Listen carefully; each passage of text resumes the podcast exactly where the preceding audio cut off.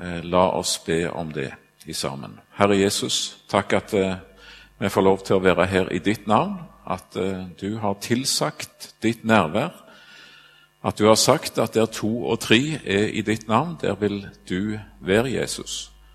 Og det tror vi, og vi tror deg på at ditt ord det er levende og virkekraftig. Herre Jesus, tal til oss, og la oss få lov til å se deg og møte deg i kveld. Det er vår bønn. Vi legger kvelden og alt i dine hender, Jesus. Amen. Ja, eh, en disippels frimodighet, det er emnet i kveld. Og jeg har fått tildelt både emne og tekst. Eh, I Apostlenes gjerninger, kapittel 4, så skal vi lese et avsnitt der fra vers 8 og til og med vers 20 i sammen. Og Det handler egentlig om eh, disiplene sin frimodighet. Apostlenes gjerninger 4 og fra vers 8. Og Bakgrunnen er dette at eh, Peter og Johannes de har vært ute og vitna om eh, Jesus.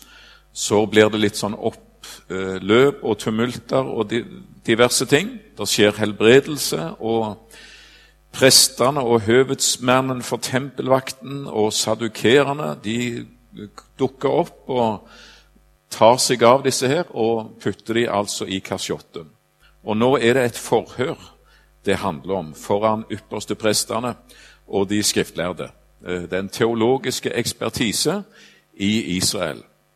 Og så er det altså, det står i vers 8 Da sa Peter til dem, fullt av Den hellige ånd, folkets rådsherrer og Israels eldste. Når vi i dag blir forhørt på grunn av en velgjerning mot et sykt menneske, og skal svare for hva han er blitt helbredet ved, så la det være kunngjort for dere alle og for hele Israels folk at ved Jesu Kristi Nazareans navn, han som dere korsfestet, han som Gud oppreiste fra de døde, ved ham står denne mann helbredet for deres øyne. Han er den steinen som ble forkastet av dere bygningsmenn, men som er blitt hjørnestein. Og det er ikke frelse i noen annen, for det finnes ikke noe annet navn under himmelen gitt blant mennesker som vi kan bli frelst ved. Men da de så Peters og Johannes' frimodighet og skjønte at de var ulærde lekmenn, undret de seg og de kjente dem igjen at de hadde vært sammen med Jesus. Og da de så mannen som var blitt helbredet, stå ved deres side, kunne de ikke si imot. De sendte dem da ut av rådsalen og begynte å samrå seg og sa, Hva skal vi gjøre med disse mennesker? For at et åpenbart tegn er skjedd ved dem, det er tydelig for alle som bor i Jerusalem. Det kan vi ikke nekte. Men for at dette ikke skal utbre seg enda mer blant folket, så la oss alvorlig true dem til ikke mer å tale til noe menneske i dette navn, i Jesu navn. Så kalte de dem inn igjen og forbød dem helt å tale eller lære i Jesu navn. Men Peter og Johannes svarte dem, døm selv om det er rett i Guds øyne å lyde dere mer enn Gud. For vi kan ikke la være å tale om det som vi har sett og hørt. En disippels frimodighet. Og hvem av oss som har ikke lyst til det, å være en eh, frimodig Jesus-disippel som eh, lever Han til ære, og som vitner om Han både med livet og med sine ord? Finnes det noen sånn vidundermedisin? Et kurs en kan ta? En teknikk en kan lære seg på en eller annen måte som kan gjøre meg veldig frimodig, og som kan snu opp og ned på meg? Nå har vi allerede hørt om herr Obelix, den utmerkede mann, som altså falt i styrkedråper som, som liten og ble så marinert av styrkedråper, gjennomtrukket, at han behøvde det aldri siden. Når alle de andre stilte seg på rekke og rad Dere som har lest det, dere vet hva det handler om. Da prøvde han gjerne å snike seg inn, han òg, ved å forkle seg. men han ble avslørt. Han behøvde ikke mer. Han hadde fått en sånn engangskur som for alltid hadde gjort ham uovervinnelig. Hvor befriende hadde vært om det var en sånn en vidunderkur i Guds rike, og at du kunne legges ned i en lake av Guds ord og alt sånn, sånn at det virkelig trakk igjennom og fulgte alt, sånn at du fra det øyeblikket av var syndfri, frimodig, uovervinnelig, usårlig. Den muligheten eksisterer ikke. Den opplevelsen vil du ikke få i kveld, og faktisk aldri her på jord. Vi er avhengige av de stadige styrkedråper ifra Guds ord. Vi må ha påfyll hele veien. Vi må leve i et personlig eh, fortrolighetsforhold til Jesus. Det er det han innbyr oss til. Frimodighet. Eh, skal si litt om to forskjellige eh, Hva skal du si eh, ting, egentlig. For det første det å ha frimodighet overfor Gud. Og for det andre det å ha frimodighet overfor mennesker. Det er ikke det samme, men altså det å ha frimodighet overfor mennesker, sann kristen frimodighet, det springer ut av en sann frimodighet overfor Gud. Så det nummer to det er utvirka av det første. Og det første jeg vil si litt om, det er å ha frimodighet overfor Gud. Og det er basisen. Det er det helt grunnleggende. Og det står det veldig mye om i Bibelen. Kanskje det fineste ordet om det å være, ha frimodighet overfor Gud, som jeg kjenner, det, der bruker ikke ordet frimodighet i det hele tatt. Men det står i Salme 34 og vers 6, en salme som ble skrevet for 3000 år siden av en flyktning. Så så de ei hule ut forbi Adullam og hadde sin svigerfar i hælene og dessuten en konge nummer to. Så han hadde to konger i hælene, så sto han etter livet. Og der så David eh, og, og gjemte seg. Og så skriver han dette veldig fine verset, syns jeg.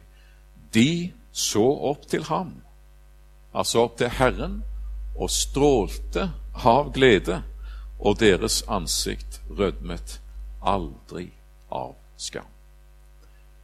Frimodighet overfor Gud, det å kunne stå foran Gud og møte hans blikk, ikke å måtte slå øynene skamfullt ned, men å kunne se opp til ham og ikke gråte av sorg, eh, ikke rødme av skam, men å kunne møte Guds blikk og stråle av glede over dette samfunnet. Hvorfor det? Jo, fordi at jeg vet at jeg er tilgitt. Fordi at altså selve ordet frimodighet, det betyr å si alt. Det betyr å tale fritt. At du ikke har noe ting å skjule.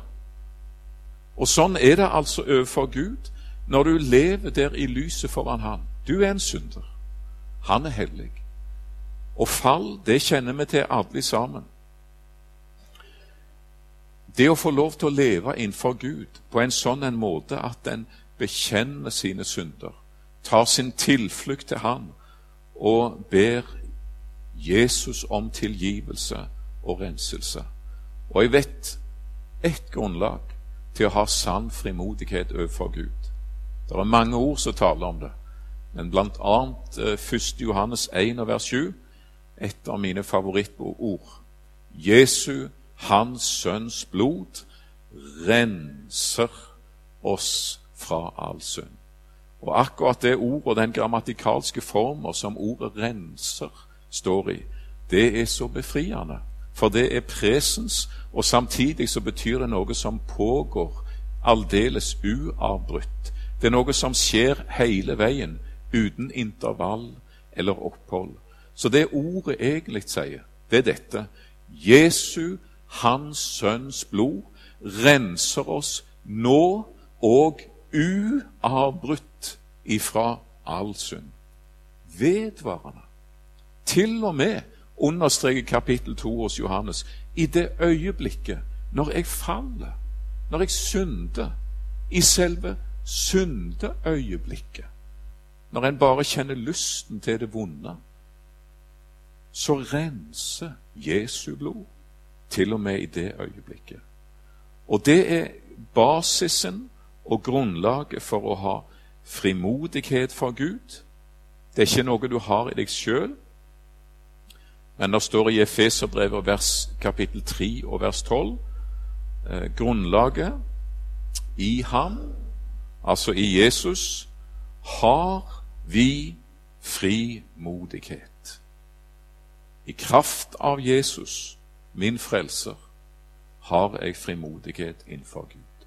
Og jeg kan møte Guds blikk, og jeg kan se opp til ham, og jeg kan vite det at eh, alt er i orden. Jeg har fred med Gud på grunnlag av Jesus og bare ham. Samme saken står det om i Hebreabrevet 10 og vers 19. Bare sitere det. Brødre, vi har altså i Jesu blod frimodighet til å gå inn i helligdommen. Inn i det aller helligste. Inn i Guds umiddelbare nærhet. Hvor har du denne frimodigheten? I Jesu blod. Ikke i din trosstyrke eller noe av ditt, men i Jesu blod og bare der. Og et, eh, et, avsnitt til som taler om det å ha frimodighet overfor Gud. Eh, Hebreerbrev 4, vers 14 til og med 16. Kanskje vi ikke skal lese hele, men det peker på Jesus, han som er så stor en ypperste prest, og som er prøvd i alt i likhet med oss. Men der slutter òg likheten, for han var uten synd. Prøvet i alt i likhet med oss, men uten synd.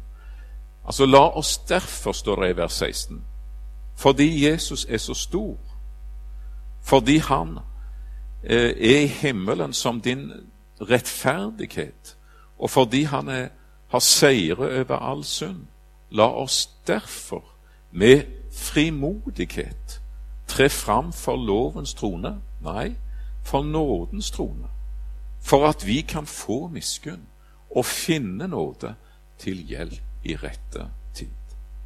Jesus er din frimodighet.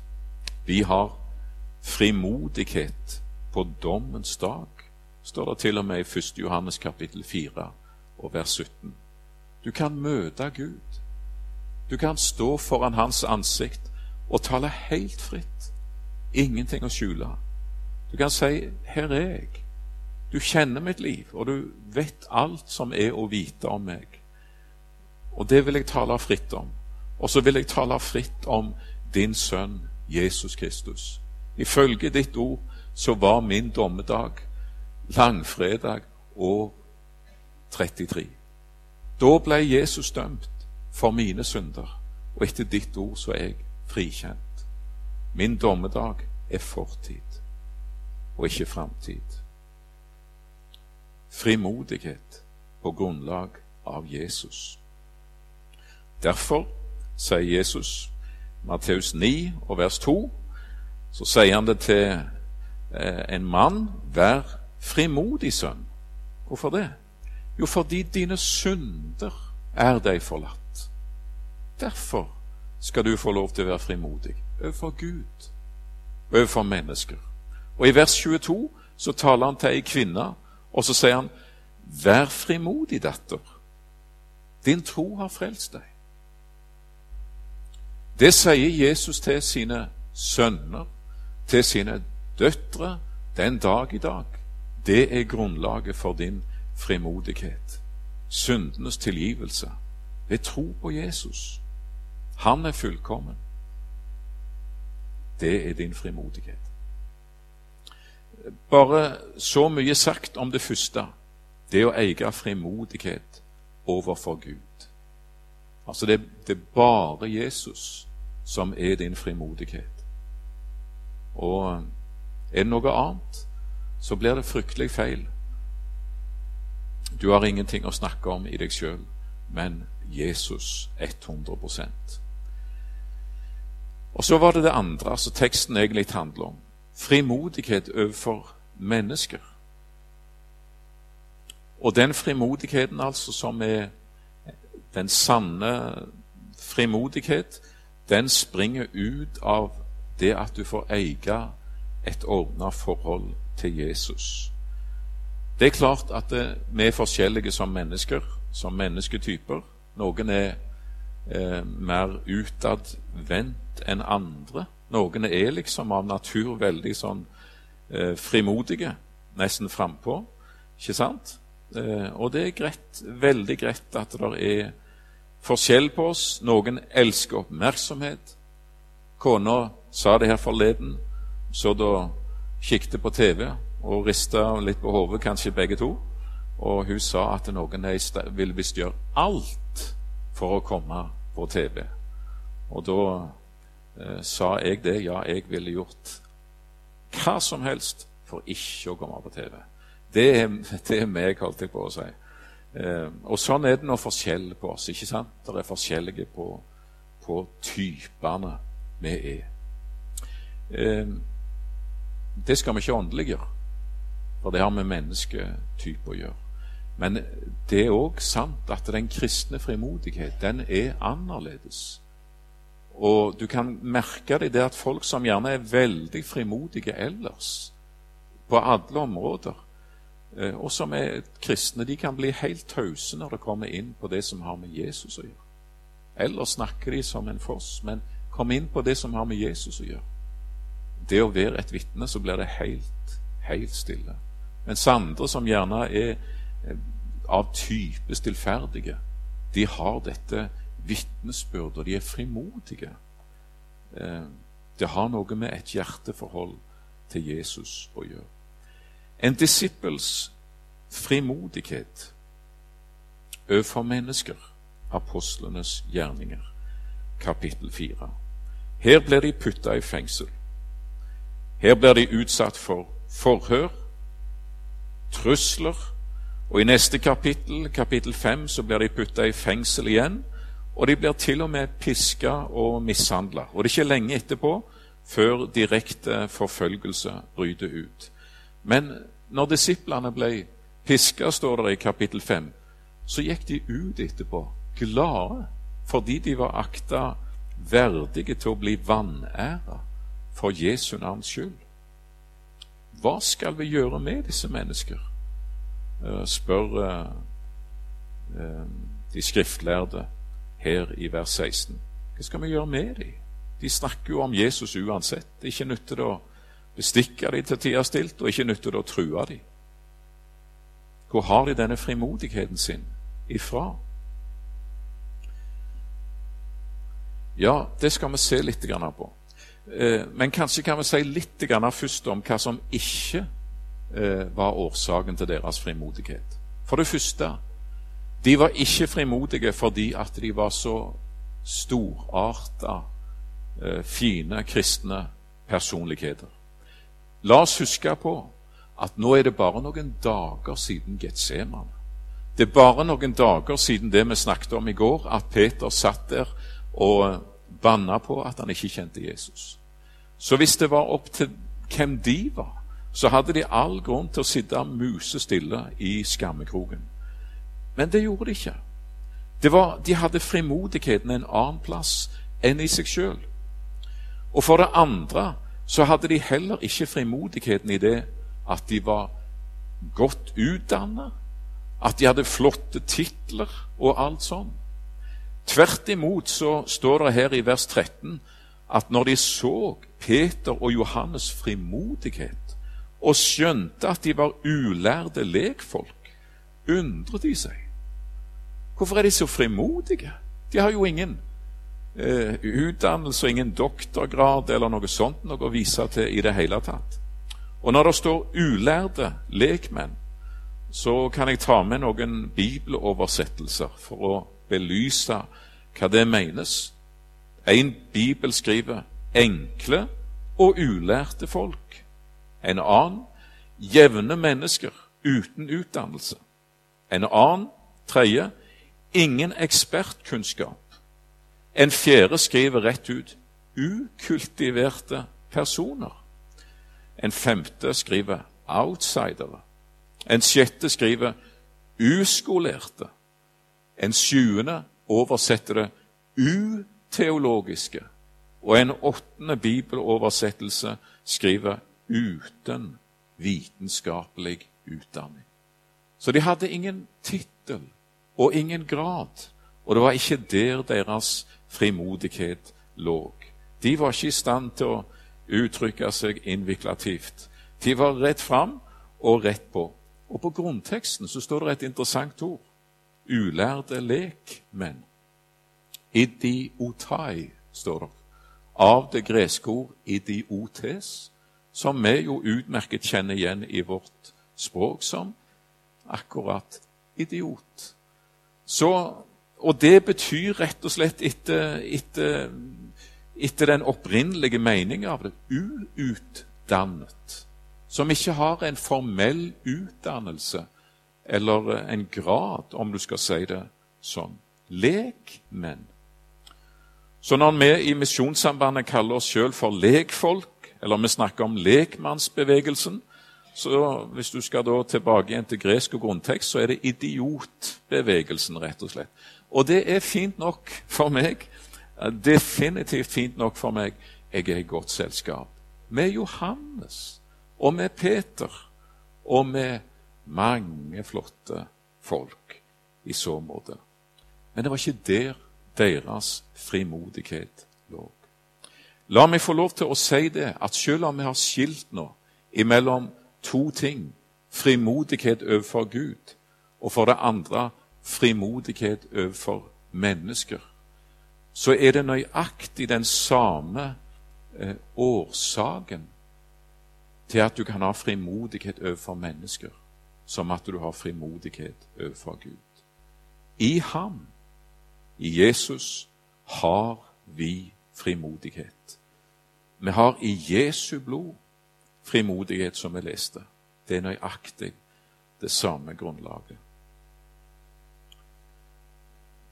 Derfor kunne Peter og Johannes stå der, eh, frimodige ansikt til ansikt med de mest lærde teologiske mennesker som fantes i hele Israel. De kunne Det gamle testamentet, som var deres bibel, utenat disse menneskene. De kjente til det absolutt alt. Og Likevel så står disse ulærde eh, lekmenn foran dem og vitner frimodig om Jesus. Det er kanskje fire nøkler i dette eh, avsnittet for deres frimodighet.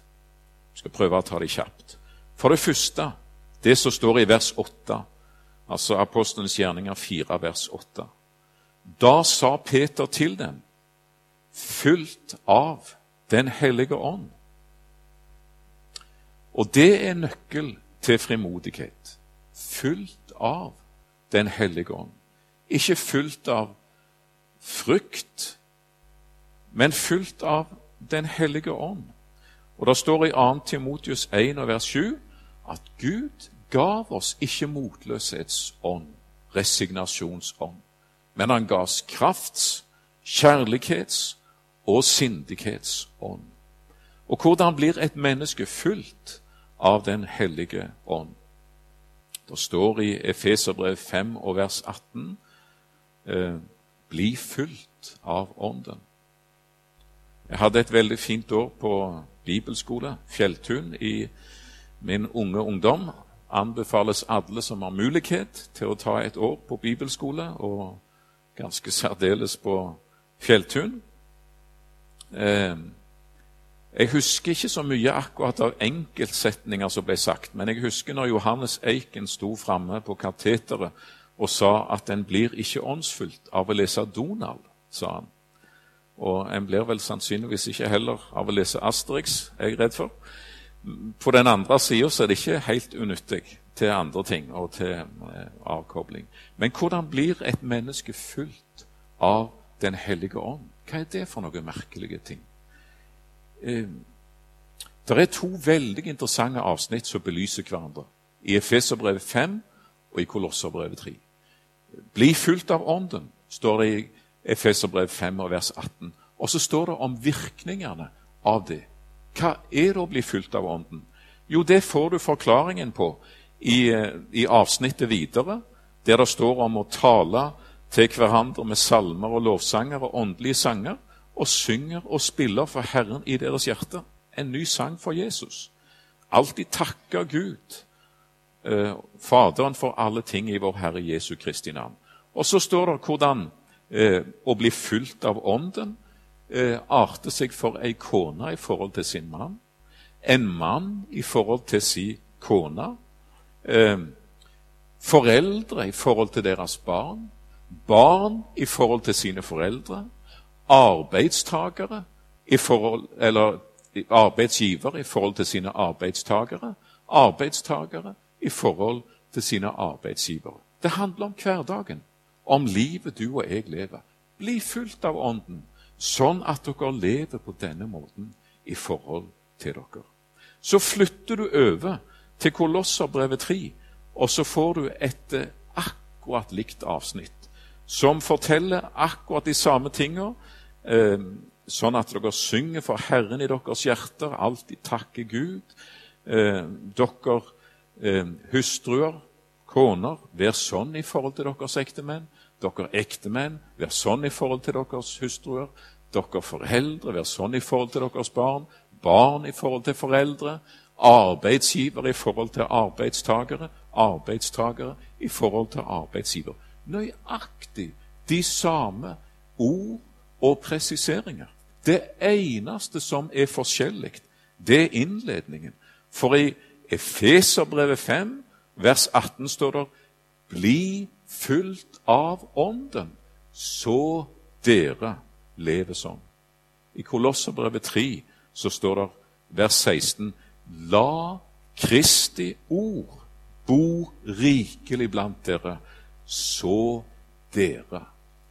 Og så kommer akkurat de samme eh, ord og sannheter. Hva vil det si oss? Det vil si at å bli fylt av Den hellige ånd er å bli fylt av Kristi ord.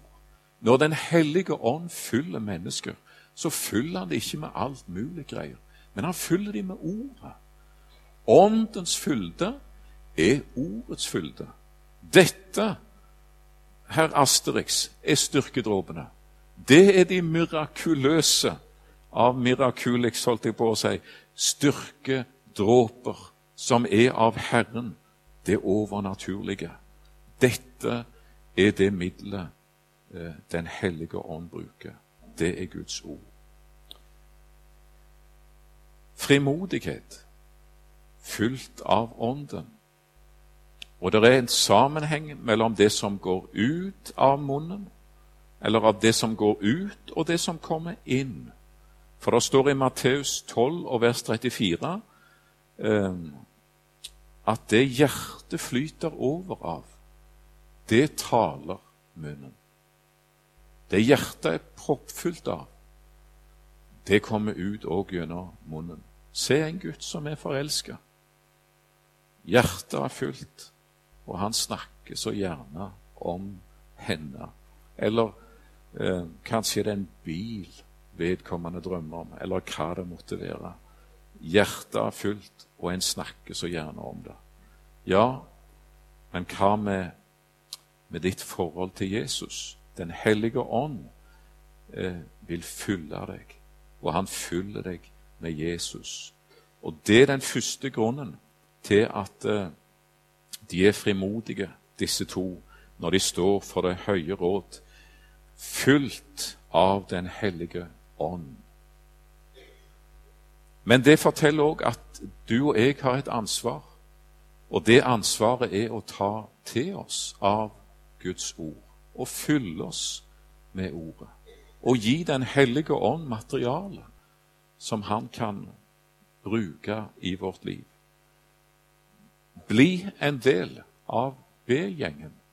Det er den beste eh, utfordring å gi i så måte. Bli en del, bli en medlem i B-gjengen, som det står i, om i Apostlenes gjerninger 2 og vers 42, der det står om de første kristne som holdt trofast fast ved apostlenes lære, Bibelen, ved samfunnet, brors- og søstersamfunnet, ved brødsbrytelsen og ved bønnene.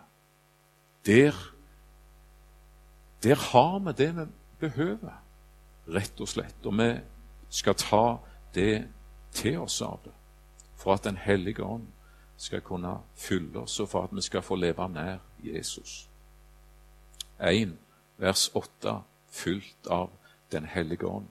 Det andre det har vi egentlig allerede talt om. Eh, og det er fra vers 10 til og med vers 12, der eh, disse to står. Og så sier de det at det er ved Jesu Kristi navn, han som dere korsfestet. Det er ved ham denne mannen står helbredet for deres øyne. Han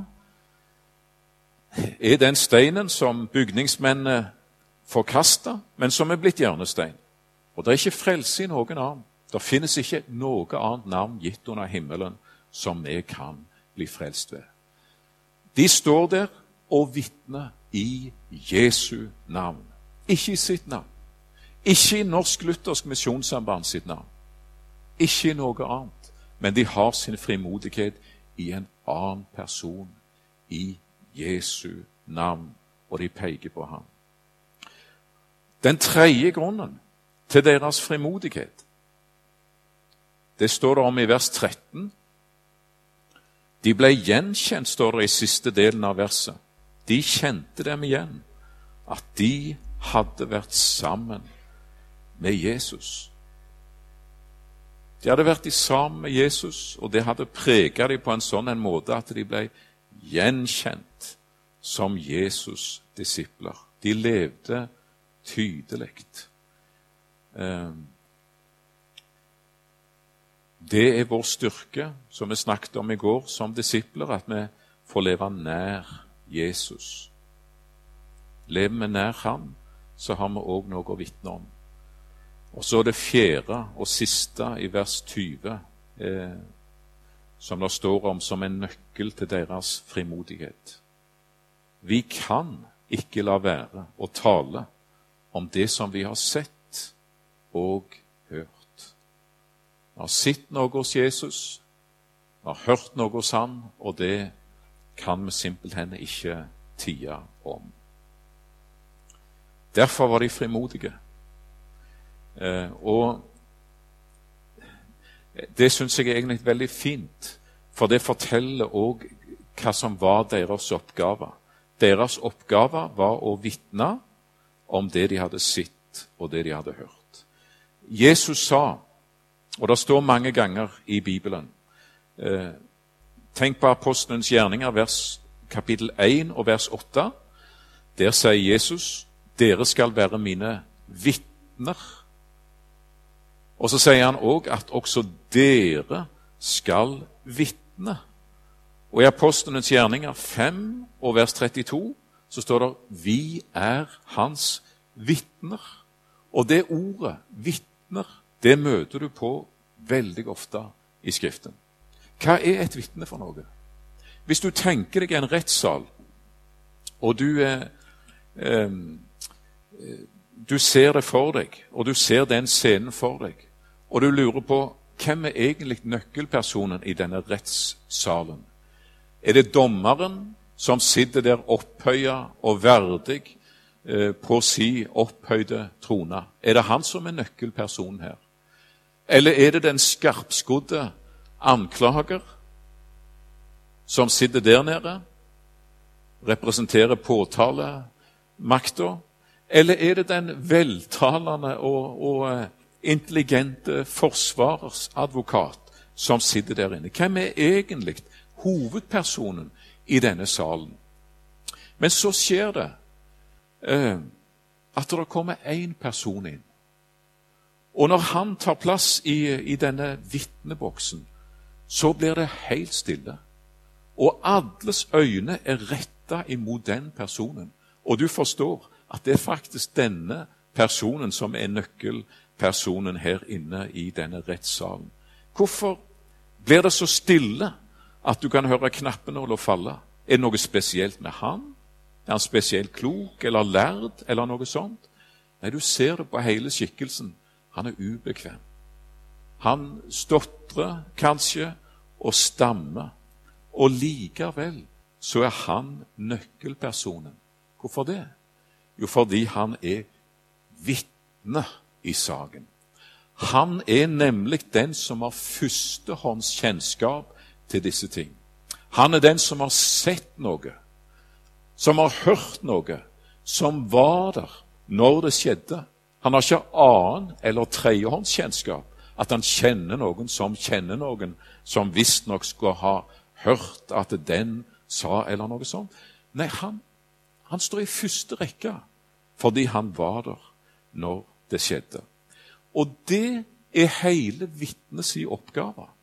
Han skal ikke forklare. Han skal ikke kunne forstå alt. Men det han skal gjøre, det er ganske enkelt å fortelle hva han så, og hva han hørte den dagen når det skjedde. Han var der, nemlig.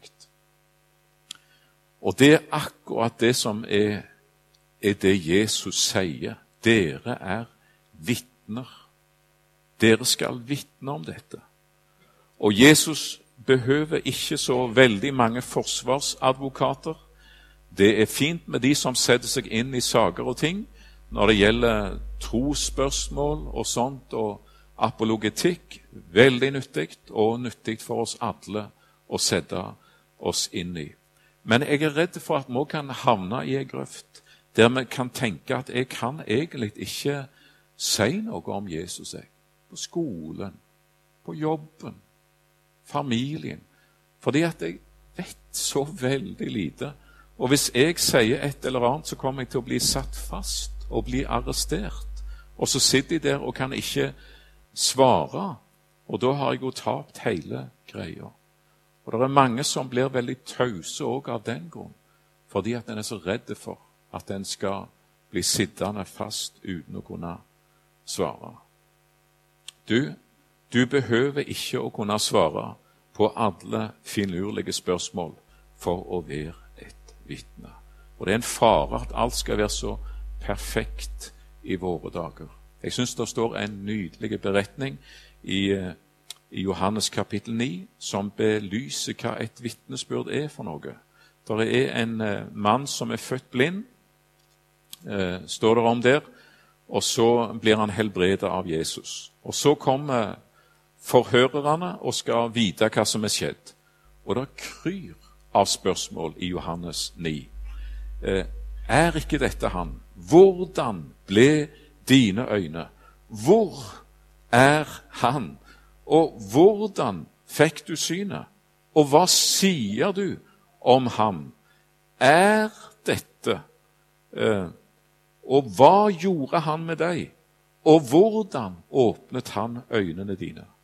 Og så står denne mannen her og har tydeligvis veldig liten kunnskap om både det ene og det andre. Så han må bare svare at jeg, jeg vet ikke. Jeg vet ikke. Og du kan nesten se de for deg, disse herrene som kommer med alle disse spørsmålene, og kjører han til veggs og sier det at eh, Nesten så de sier vet du, vet du noe, da? Er det i det hele tatt noe du vet? Eller vet du ingenting, du? Og så sier den mann jo, én ting vet jeg. Ja, la oss høre hva du vet. Jeg var blind. Nå ser jeg. Det står det i vers 25. Ett vet jeg. Jeg vet ikke mye annet, men jeg vet at jeg som var blind, nå ser jeg. Og jeg vet hvem som gjorde det. Og det er et enkelt kristent vitnesbyrd om Jesus. Og det behøver ikke være noe annet enn det. For verden kan diskutere jomfrufødsel, Guds eksistens, himmel, helvete, trosartikler og det ene etter det andre. Men det er noe som er udiskutabelt, og det er et forvandla liv. Det er dette jeg har møtt Jesus. Og om verden og mennesker skulle le og trekke på skuldrene av det, så er iallfall én ting veldig sikkert. Det enkle vitnesbyrdet om Jesus, det har en enorm kraft i seg. Om vi hadde tatt det med, om du tar det med deg der du er og der du går, altså det enkle og personlige vitnesbyrdet om Jesus, og du, du, skal være så ærlig og si det at ja, det vet jeg ikke når du spør meg om disse tingene. Hvis de, altså all slags finurligheter. Jeg vet ikke, men jeg har møtt Jesus. Jeg har fått noe hos Jesus som ingen andre kunne gi, og det er stort å få lov til å tilhøre Han. Til slutt, jeg tenkte på noen sånne mennesker jeg har møtt langs veien, så, så ble frelst etter sånn et enkelt eh, vitnesbyrd. Jeg tenker på denne troende mannen som så det i bil eh, på vei fra jobben, og så ser han en som han kjenner litt lenger i bilen foran og gjenkjenner han, og plutselig så får han en minnelse om at du skal vitne for ham. Du skal innby ham til møter, og du skal innby ham til Jesus. Og denne utmerkede bedehusmannen begynner å, å, stille betingelser og si herre, hvis, du, eh, hvis han svinger inn på den bensinstasjonen, så skal jeg vitne for ham. Han hadde jo tenkt selvsagt at det var det liten sannsynlighet for. Blinklyset eh, retningsviser han på, selvsagt til høyre, inn på bensinstasjonen. Og han hadde ikke noe annet å gjøre enn å kjøre etter. Rulle ned vinduet. Sier noen ord til Jesus om Jesus og invitere til møte. Vel, det var begynnelsen til denne mannens omvendelse. Han ble frelst. Og jeg tenker på en mann jeg møtte, som fortalte hvordan han var på arbeid en dag og sukker til en kristen arbeidskollega. Jeg forstår ikke hva som er galt, sa han. Det er ingenting som er kjekt for tida. Og så sier denne kristne kollegaen til han, forstår du ikke at Gud kaller på deg? Gud hadde han aldri tenkt på, at det var Gud som kalte på ham. Det ble mange samtaler, og han eh, ga seg over til Gud. Og nå er han ute og synger og vitner om Herren sjøl den dag i dag. Og Jeg tenker på Tom. Store, sterke, robuste Tom i eh, sine aktive dager. Eh, nummer fem på statistikken i Sverige. Han bodde der noen år over eh, lett tungvektsboksere. Du ville ikke møtt ham på flate mark som en fiende. Men en dag så er han på arbeid, og han snakker med en kollega. Og han merker at det har skjedd noe med denne kollegaen. Og når de er på tomannshånd, så sier denne mannen jeg er blitt en kristen. Og Tom blir slått knockout av det enkle vitnesbyrdet. Av en eller annen grunn så begynner tårene å renne nedover kinnet på ham. Og de sitter og snakker sammen om dette. Han blir med på bibelgruppa. De peprer han med Guds ord. De dynger på med bøker. Øyvind Andersen, Carl Fredrik Wisløff, Carl Olof Rosenius. Den stakkars mannen hadde kjent nubbsjanse. Hjem med hele sekken på ryggen og ser på den eh, tynneste boka, 'Daglig brød', av eh, Carl Fredrik Wisløff. Og For dere som kjenner den, så er ikke den noen lettvekter akkurat. Han tenker jeg får begynne med den. Og så kom han til 15. Eh, februar i den andagsboka. Og så leser han at å tro er å komme til Jesus med sine synder. Og det hadde Tom. Så han bøyde seg der og sa det til Jesus at 'nå kommer jeg til deg med mine synder'. Så ble han frelst på grunn av Altså, det begynte med et enkelt vitnesbyrd om Jesus. Det behøver ikke å være så veldig vellykka. Jeg kjenner ei hun eh, ble utsatt for et vitnesbyrd. Hun og mannen ble utsatt for et vitnesbyrd av en slektning. Og det var så mislykka. Han stotra og stamma.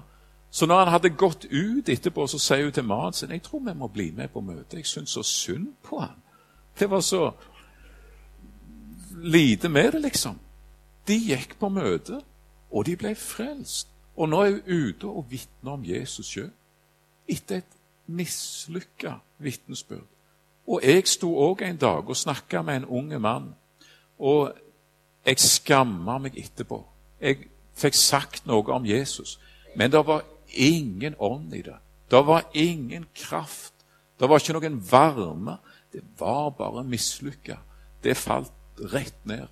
Så går det noen måneder, og så sitter jeg og leser i Stavanger Aftenblad, og så ser jeg bildet av denne mannen, og jeg kjenner han igjen fordi jeg hadde snakket med han for noen måneder siden. Og jeg tenkte jeg må lese hva det handler om.